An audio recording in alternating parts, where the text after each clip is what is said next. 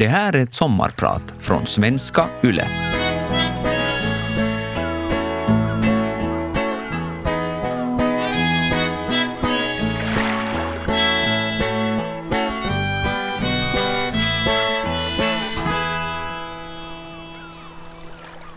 Det är som att springa i himlen. Känslan av frihet är total. Jag är på väg upp för en alp. Till höger har jag en kilometer stup och till vänster en brant klippvägg. Inget utrymme för snedsteg här. Jag har blicken fäst några meter fram på stigen, planerar vart jag ska sätta fötterna. Totalt fokuserad och samtidigt avslappnad och med en bubblande glädje i kroppen. Det är brant här. Jag andas tungt och får plötsligt blodådrorna fulla av iskallt adrenalin när marken försvinner i ett litet skred av rullgrus. Jag tar nytt fotfäste och plötsligt planar stigen ut på en obegripligt grön alpäng, helt täckt av blommor i alla färger.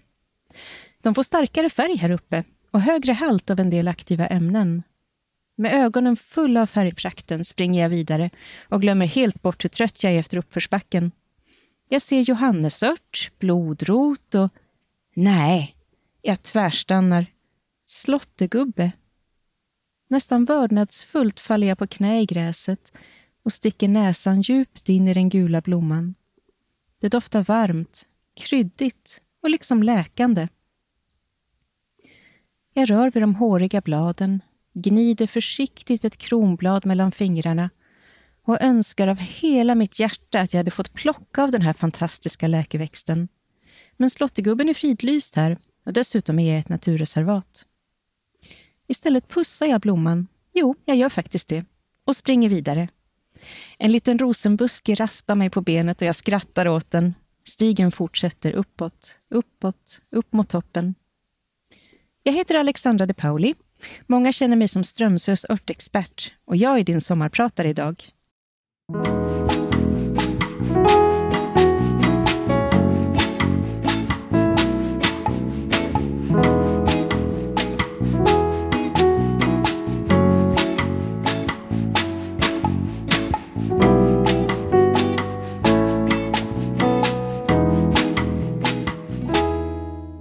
Mamma, är Alex en häxa? Min lillebror har precis varit inne i mitt rum ute på landet och nu är han fundersam. Här hänger älgört och vattenmynta på tork i taket och från garderoben kommer en skarp doft av skvattram. På skrivbordet står det burkar fulla med torkade örter. Men jag är ju ingen häxa. Jag är 12 år och har just fått Försvarets handbok Överlevnad av pappa och nu är jag i full färd med att testa allt som står i boken. Jag har alltid känt mig bekväm ute i naturen och här på landet i Stockholms skärgård strövar jag i skogen, plockar bär och svamp, smyger på rådjuren och lär mig namnet på alla växter. Det är några år sedan nu som det gick upp för mig att alla växter som de använde på stenåldern och som ursprungsfolken fortfarande använder till mat och medicin, att de fortfarande finns. De har inte försvunnit någonstans. De växer ute i naturen, men vi har slutat använda dem. Det där vill jag lära mig har jag bestämt. Så nu utforskar jag min skog och plockar in några nya växter varje år för att lära mig hur de växer. När det är lagom att skörda dem, hur de ser ut när de har torkat och hur de smakar när man gör te på dem. Familjen är mina försökskaniner och bortsett från att min bror tror att jag är en häxa har det gått bra. Jag ansvarar för huskurerna i familjen, kokar te åt mamma när hon är förkyld och ger min syster blåbär med yoghurt när hon är dålig i magen. Jag lär mig i stadig takt och märker samtidigt hur jag blir ännu mer bekväm med naturen omkring mig. Nu är den ju full av bekanta, växtvänner som vinkar glatt när jag går förbi. Tolv år senare råkar jag hitta en utbildning till örtterapeut och bestämmer under utbildningen att det här ska jag jobba med. I de allra första exemplen på skriftspråk som finns bevarade finns recept på teer, plåster och piller med medicinalväxter, noggrant nedtecknade. Det är hisnande att tänka på att mina kollegor i Mellanöstern för 10 000 år sedan rekommenderade i stort sett samma växter mot samma åkommor som jag gör. Jag tycker också att det är hisnande att tänka på hur lättillgängliga växterna är. De finns i skogar och ängar, i parker och på parkeringsplatser, på berg och i öknar. Det lustiga är att de allra bästa läkeväxterna ofta är vanliga ogräs de där växterna som är så vanliga att vi knappt lägger märke till dem. Gå ut till närmsta gräsmatta och stega upp en gånger en meter. Ja, du kan vänta tills programmet är slut innan du går ut. Eller om du är ivrig kan du ju fortsätta lyssna senare. Titta noga på din kvadratmeter gräsmatta. Har du någonsin tänkt på hur lite gräs som faktiskt växer i gräsmattor? Om du sätter dig på knä och letar lite i gräset lovar jag att du kommer att hitta minst fyra jättebra läkeväxter. Du kommer mest troligt att hitta några av maskros, groblad, rölleka, daggkåpa, kummin, gåsört eller vitklöver. Så där, i din närmsta gräsmatta har du örter som kan hjälpa vid urinvägsinfektion, förstoppning, infekterade sår, klimakteriebesvär, väderspänning, mensvärk och krossskador. Inte istället för medicin, men som ett komplement.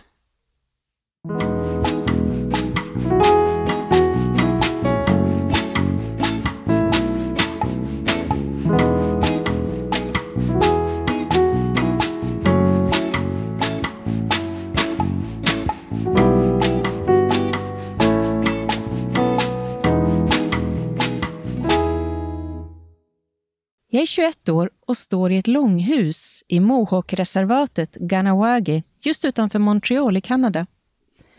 Det är lördag och som vanligt samlas unga och gamla här i långhuset för att sjunga och dansa och umgås hela kvällen. Förvånansvärt många unga faktiskt. Men istället för att sitta längst bort i hörnen och prata är de allihop på dansgolvet. Så ovanligt. Mitt i rummet står fyra bänkar i en fyrkant och där sitter unga kvinnor och slår på trummor, sjunger och markerar rytmen med skallror gjorda av buffelhorn. Just nu spelar de en alligatordans där dansarna svingar sin partner runt i en imitation av hur en alligator snurrar runt med sitt offer. Jag står där helt förstummad och tänker på hur det var att växa upp i Stockholm. Hur oändligt mycket tid och energi som gick åt för oss barn att klura ut vilka vi var. Hurdana vi ville vara som människor, hur vi ville förhålla oss till världen. Identitet. De här ungdomarna som jag spenderat hela veckan med i Ganawagi Survival School, jag trodde på fullt allvar att de var precis som alla andra ungdomar. Blyga, truliga, förvirrade. Men här i långhuset får jag se vilka de egentligen är. De flesta reservat för Amerikas ursprungsbefolkning har stora sociala problem av olika slag. Men det de också har, det är identitet. De föds in i ett community där de genast är i ett sammanhang. De vet vilka förfäderna var. De får lära sig sitt folks berättelser, sånger och lagar. Och de vet, bortom allt tvivel, vad det innebär att vara Ganyagehaga, mohawk. Mohawk-samhället är ett matriarkat där The Grandmother Council fattar besluten och The Chief Council verkställer dem. Kvinnorna bestämmer vad som behöver göras och männen genomför. I reservatet jobbar man hårt med att få mohawkspråket att överleva. Barnen läser språket i skolan, de gamla pratar ganyage med barnen och i den lokala radiostationen K105 sänder man bitvis på mohawk. Det där ögonblicket i långhuset är ett av de starkaste i mitt liv. Det var mycket som klarnade där och då och jag tror att jag tog med mig en stark känsla av vad som egentligen är viktigt därifrån. Min egen identitet liksom destillerades fram just där. Jag hade tur. Bara dagen efter att jag kommit till Ganawage bröt en isstorm ut över delstaten Quebec. Underkylt regn fick 10 centimeter is att lägga sig på träd, bilar, vägar och elledningar. Träden föll, vägarna var glashala och för övrigt var bilarna inisade och det låg fallna elledningar tvärs över vägarna så det gick inte att ta sig någonstans. En miljon hushåll i Quebec var utan el i en vecka med temperaturer på minus 10, minus 20 grader. I reservatet är folk vana vid långa strömavbrott och har generatorer och kaminer, så det gick verkligen ingen nöd på oss. Tvärtom fick vi tid att prata, berätta historier och mötas på riktigt. Jag blev en del av familjen. En månad senare hamnade jag på ett veckolångt möte i Ottawa mellan medicinmän och medicinkvinnor från hela världen. Mindblowing är en underdrift. Att lyssna på de här människorna är som att öppna dörrar in till andra dimensioner. De är proffs. De förstår hur universum fungerar och har ett nästan overkligt helhetsperspektiv. Det som gjorde djupast intryck på mig var alla svetthyddor. En svetthydda är som ett slags temporär bastu. Man bygger den av slanor som böjs till en kupol, bara omkring en och en halv meter hög. Kupolen täcks av filtar och presenningar. Golvet täcks av en sorts mjukt granris de har i Kanada, balsamgran. Och i mitten är en grop som man fyller med varma stenar från elden utanför och häller vatten på. Inne i svetthyddan är det bäckmörkt, trångt och väldigt varmt. Och det är en bastu som är till för att rena själen snarare än kroppen. Man sjunger, mediterar, försjunker i egna tankar och om man går och bär på något riktigt tungt kan man ta fram det här inne i mörkret och värmen och tryggheten och riktigt spänna ögonen i sina monster. Kanske rent av släppa taget om dem. En svetthydda håller på länge, minst en timme och den längsta jag varit i tog sex timmar. Jag återvände till Kanada två gånger till och reste runt i totalt ett år. Under sista resan insåg jag att jag måste hitta ett kreativt yrke som rimmar tydligt med vem jag är och där jag får vara ute mycket. Några veckor efter att jag kommit hem snubblade jag över en tvåårig utbildning till örtterapeut, fick en återbudsplats och sen var det självklart att jag skulle jobba med medicinalväxter.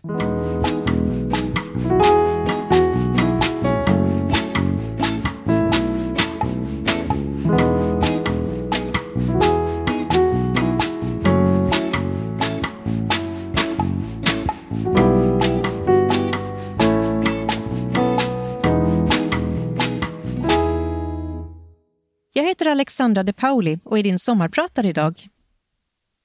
Jag sitter hemma i franska alperna och tittar ut över fjällsidan där jag normalt åker off-pist varje dag under vintern. Nu är backen istället täckt av illgrönt gräs och miljoner blommor. Det vet jag för jag var nyss där uppe och sprang. När jag säger hemma måste jag specificera vilket hem det gäller, för jag har flera stycken. Som en slags nomad flyttar jag runt mellan Frankrike, England, Sverige och Spanien. Det var inget jag planerade att det skulle bli så, men jag är väldigt nöjd med det här livet för det innebär att jag får det bästa av fyra olika världar. Jag och Jonathan, min brittiske man, vill åka skidor mycket på vintern, så då bor vi i Alperna. På våren vill jag vara i min trädgård i England och pyssla om mina rosor och samla läkeväxter. Jag åker på långa jobbturnéer i Sverige och Finland med föreläsningar, kurser, örtvandringar och nya Strömsöprogram och kommer tillbaka trött men nöjd. På sommaren åker vi tillbaka till Frankrike och jag är ute varje dag och bestiger berg eller springer längs de ljuvliga bergstigarna. Utanför vårt hus går stigar åt alla håll som kan ta mig ner i dalar, upp på toppar och över väldiga glaciärer. På hösten åker jag norrut för jobb igen och sen flyttar vi till Spanien för att kunna fortsätta vara ute hela dagarna hela hösten. Jag har enorma behov av att ha berg omkring mig, kunna snöra på mig skorna, fylla vattenflaskan och ge mig ut, antingen med en plan eller bara dit fötterna bär mig. När jag går eller springer eller skidar upp för ett berg är mitt huvud helt breddfullt av absolut ingenting ingenting. Ju brantare och mer teknisk terräng, desto mer ingenting i huvudet. Det är beroendeframkallande.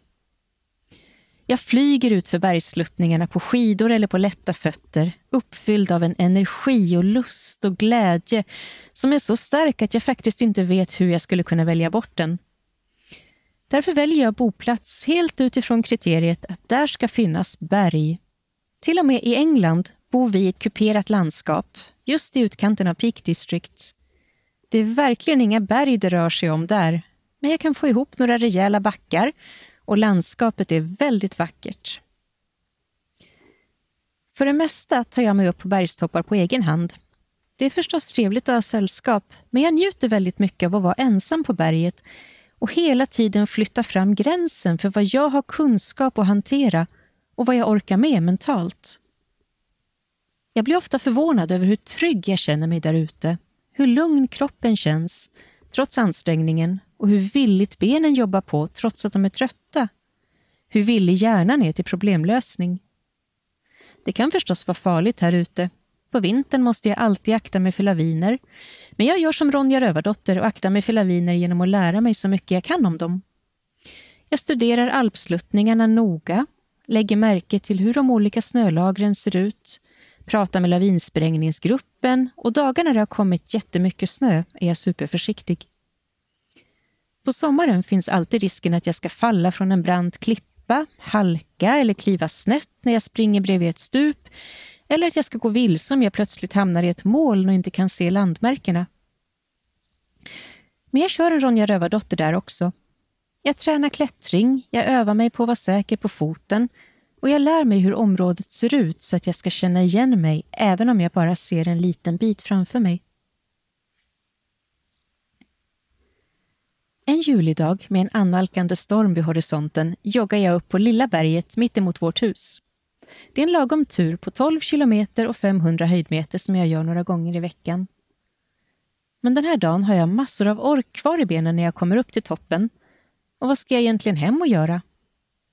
På toppen av Lilla berget ligger ett annat berg som en 400 meter hög tårta som någon har släppt ner på bergstoppen. Det ska gå en stig upp dit har jag sett på kartan, men stigen syns inte nerifrån. Stormen verkar ha tagit en annan väg, så jag bestämmer mig för att se om jag kan ta mig upp dit. Vid foten av tårtan sitter en gul varningsskylt med en grafisk bild av en person som faller från en klippa och text på fyra olika språk som varnar för att det här sannerligen inte är någon lätt vandring. Den är inte svår heller visar det sig, bara kanske inte något för den med höjdskräck.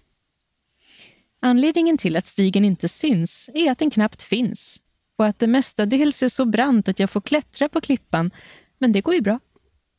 Någon vänlig själ har satt upp stålvajrar och hålla i sig när det blir riktigt brant och jag njuter stort av klättringen. När jag är nästan uppe möter jag en äldre man som är på väg ner på darriga ben och tungt stödd på gåstavarna. Bonjour, kvittrar jag, men han utbrister bestört. Mais, vous êtes seul! Men ni är ensam? Ja, svarar jag. Han är ju också ensam. Men det är farligt, säger han och viftar med gåstaven mot branten jag just har klättrat upp för. Jag tittar misstroget på honom, vet inte riktigt vad jag ska säga. Till slut säger jag bara alors, bon randonnée, god tur och går vidare. Det där händer hela tiden.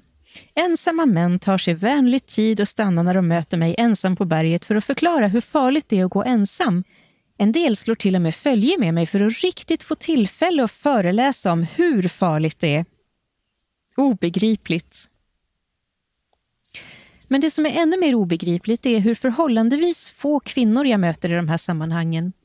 Jag vet inte vad det beror på, kanske bara att många kvinnor inte känner att det här är en värld för dem.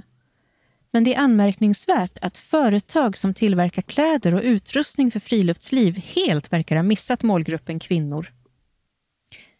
Det är riktigt svårt att hitta bra utrustning som är anpassad för kvinnor i allmänhet och korta kvinnor i synnerhet. Ryggsäckar är alltid för långa i ryggen. Vissa jackor kan jag inte röra mig för att de räcker nästan ända ner till knäna. Och det är alltid minst 15 cm ärm kvar där min arm slutar. För två år sedan var jag på en alpinistkurs i Chamonix i Frankrike och i min grupp råkade jag ha designchefen för ett stort amerikanskt friluftsföretag. Vi pratade lite om det här med utrustning för kvinnor och jag visade honom min skaljacka som är i allra minsta storleken av just hans märke och hur väldigt mycket för stor den är. Märkligt nog hade han aldrig reflekterat över att en del kvinnor är väldigt små. Jag är ingen marknadschef, men jag tror ju att det finns en marknad för det här att fler kvinnor skulle vara intresserade av uteliv om de bara fick vara varma, torra och bära en ryggsäck som satt bra på ryggen, även om de som jag bara är 152,4 cm långa.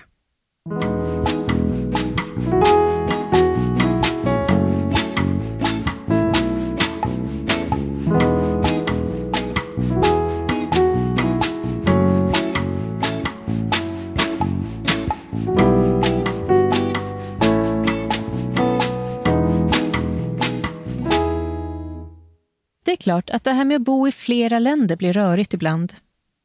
Den bok jag behöver just nu är alltid i fel land och jag för omfattande Excel-ark över var vilka ägodelar för tillfället befinner sig. För oss innebär det också att vi inte kan bo särskilt stort i några av våra boenden. Jag har gjort mig av med nästan allt jag äger. Alla mina möbler, fyra bokhyllor fulla med böcker, massor av kläder, köksprylar, nästan allt som normalt finns i ett hem. Det gjorde ont. Särskilt böckerna var det tungt att släppa taget om. Och matbordet som jag ätit middag vid varje dag i nästan hela mitt liv. Men det var också som en frigörelseprocess och efteråt kändes allt ganska bra. Jag tänkte hela tiden på vad jag fick istället. Om jag får bo högt uppe i Alperna och i Andalusien och i Peak District och i Stockholm så är det kanske värt det att jag inte kan behålla precis alla böcker som jag har samlat på mig under ett helt liv. Men det är förstås annat också som ligger i de där vågskålarna. Min familj som jag inte alls träffar så ofta som jag skulle vilja. Mina brorsdöttrar som växer upp utan att lära känna faster Alex ordentligt. Vännerna i olika länder som bara måste acceptera att jag kommer och går. Egna barn har aldrig funnits på kartan. Det är inte ett sånt liv jag lever. Ett tag var jag rädd för vad jag missar genom att välja bort barn. Men i ärlighetens namn var det alltid andra saker som kändes viktigare. Och jag är helt okej okay med att jag inte kan ha allt. Det handlar väl om att välja, men med det sagt tycker jag inte att jag själv riktigt har haft några val. Tid har alltid varit viktigare för mig än pengar. Äventyr viktigare än trygghet. Hemma är inte en plats för mig, utan en person. Om jag bor på en enda plats för länge blir jag stressad över alla upplevelser jag missar.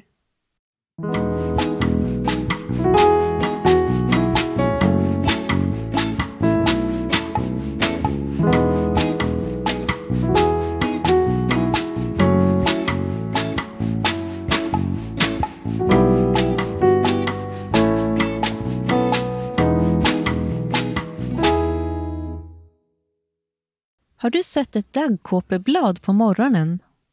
Daggkåpa är ett grönt blad som växer i gräs, nära marken. Stort som en handflata och veckat som ett litet dragspel. Ibland ligger en droppe i bladvecket, skinande blank. Om du häller ut den droppen i handflatan märker du att den har så hög ytspänning att du kan rulla runt den som en pärla. Det här är inte vatten utan en mystisk, magisk substans. Alkemisterna var hemskt intresserade av daggkåpens droppe. De trodde att den var en viktig ingrediens i experimentet för att framställa de vises sten som behövs både för att göra guld och för att koka brygden som ger evigt liv och botar alla sjukdomar. Alkemisterna gjorde många experiment med daggkåpedroppar men så vitt jag vet blev det varken guld eller evigt liv. Fast varje gång jag berättar den här historien reser sig håret på armarna och jag tänker det kan inte du veta, Alex. För det kan ju vara så att någon lyckades göra den där brygden men hade vett nog att inte berätta det för precis alla. Alkemi är som en sorts kemi, men skillnaden är att alkemisten själv är en del av experimentet. Vissa försök går inte att genomföra innan man har uppnått tillräcklig andlig mognad och när man har gjort det är det plötsligt inte lika intressant längre att tillverka guld, för man är ju redan själsligt rik. Och vad ska man med evigt liv till när man har uppnått sitt allra högsta mål? Intressant tanke. Hur som helst fick daggkåpan sitt namn efter alkemisterna. Alkemilla heter den på latin. Men det slutar inte där. Vanligt folk såg också de här små dropparna i daggkåpans bladväck och fascinerades av hur ovanligt dropparna beter sig.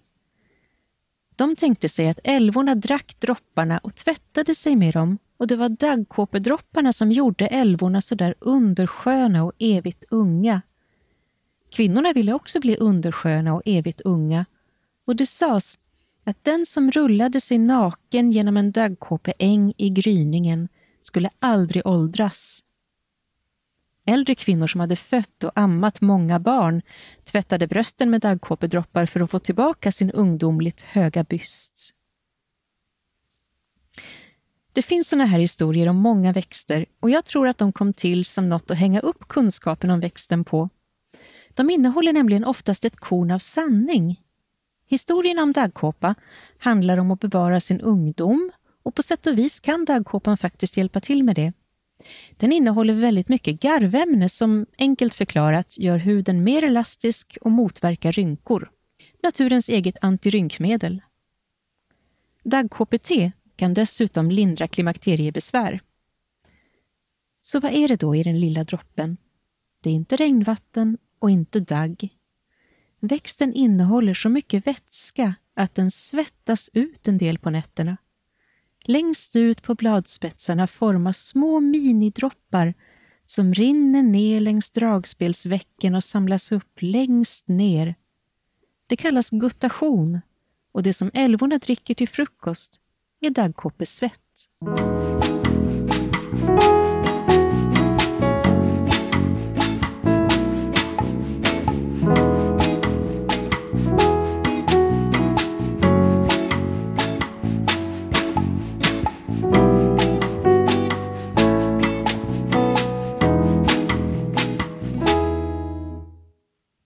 Ser läkeväxter som ett komplement till skolmedicinen. De flesta växterna konkurrerar inte med läkemedel utan går att ta som komplement. Det finns förstås undantag och om man till exempel äter blodförtunnande medicin är det många växter som man helt enkelt får låta bli. Var hittar man då tillförlitlig information om medicinalväxter? Det finns en del välresearchade böcker, även på svenska. Ett bra sätt att känna igen dem är att de anger vilka ämnen som är aktiva i växten där sållar man lättast bort alla författare som bara skrivit av någon annan. I vetenskapsdatabaserna finns tusentals artiklar om medicinalväxter. Och så finns också EUs monografier där man beskriver dokumenterade effekter av en växt och hur den dokumentationen har gått till. Ibland finns det vetenskapliga studier att hänvisa till men oftast står det bara att de här uppgifterna bygger på traditionell användning. Det betyder att växten har varit i allmänt bruk länge i många fall flera hundra år och under den tiden har apotekare, läkare och örtkunniga noterat växtens effekter och bieffekter. På sätt och vis är det ett gediget underlag med enorma tidsspann och enorma testgrupper. Men det räcker ändå inte till för att en läkare i dagens Finland eller Sverige ska kunna rekommendera en ört. De behöver evidensbaserad forskning där man först i ett labb och sen i en stor testgrupp har kunnat bevisa att örtens sammansättning av aktiva ämnen har en viss effekt. Tyvärr finns det en del problem med det. Det går inte att ta patent på en växt och därför är det inte särskilt intressant för läkemedelsföretag att genomföra studier på växter. Det andra stora problemet är att i ett läkemedel finns det ett eller två aktiva ämnen men i en ört kan det finnas uppåt flera hundra ämnen som verkar synergistiskt. Synergier är jättesvåra att forska på, särskilt när parametrarna förändras hela tiden som de gör i en växt. Både halten av aktiva ämnen och vilka aktiva ämnen växten innehåller förändras nämligen beroende på växtplats, klimat, väder, jordmån, mikroklimat, höjd över havet och latitud. Så i studier på växter undersöker man oftast ett enda ämne och vad det har för verkan på en enda åkomma. Men ämnena i en växt verkar aldrig ensamma och en växt är nästan alltid bra till flera saker. Den forskning som genomförs bekräftar oftast bara det vi redan vet. Så det bästa vore kanske om läkarutbildningarna i Skandinavien kikade lite på hur sjukvården ser ut i Tyskland, Österrike, Schweiz, Frankrike, Spanien och Italien där man inte ser några motsättningar mellan kemiska och växtbaserade läkemedel.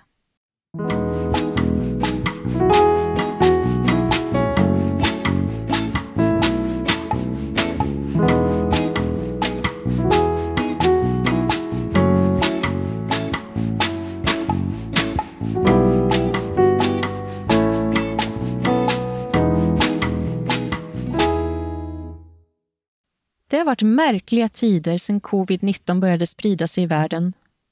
För mig innebar coronapandemin att jag fick alla mina jobb våren och sommaren 2020 inställda.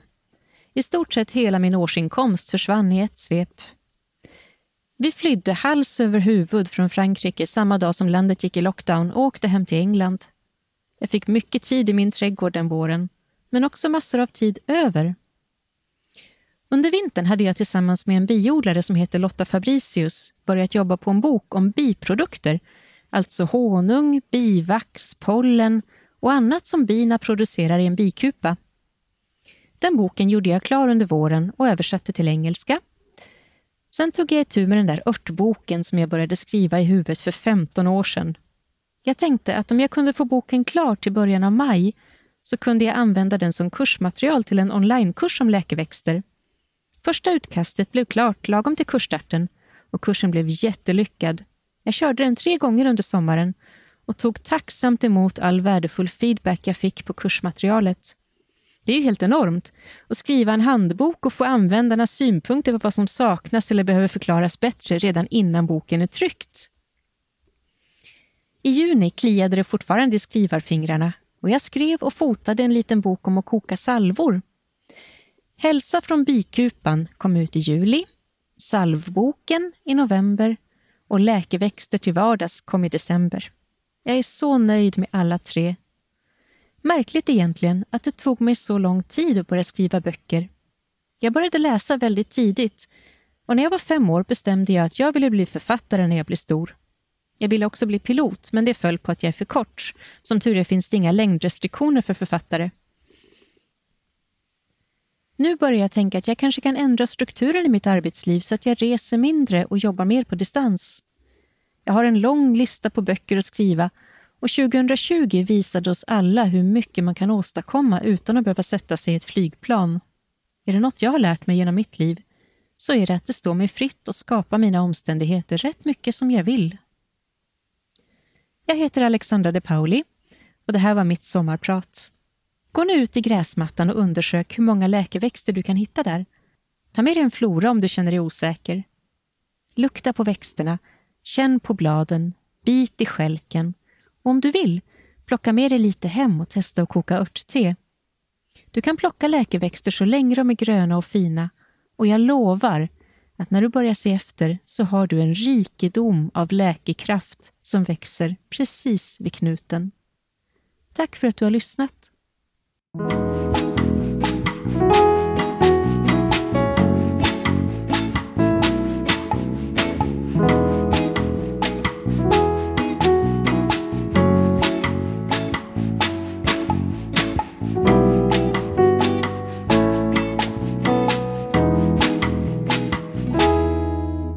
sommarpratare produceras för Svenska Yle av Parad Media.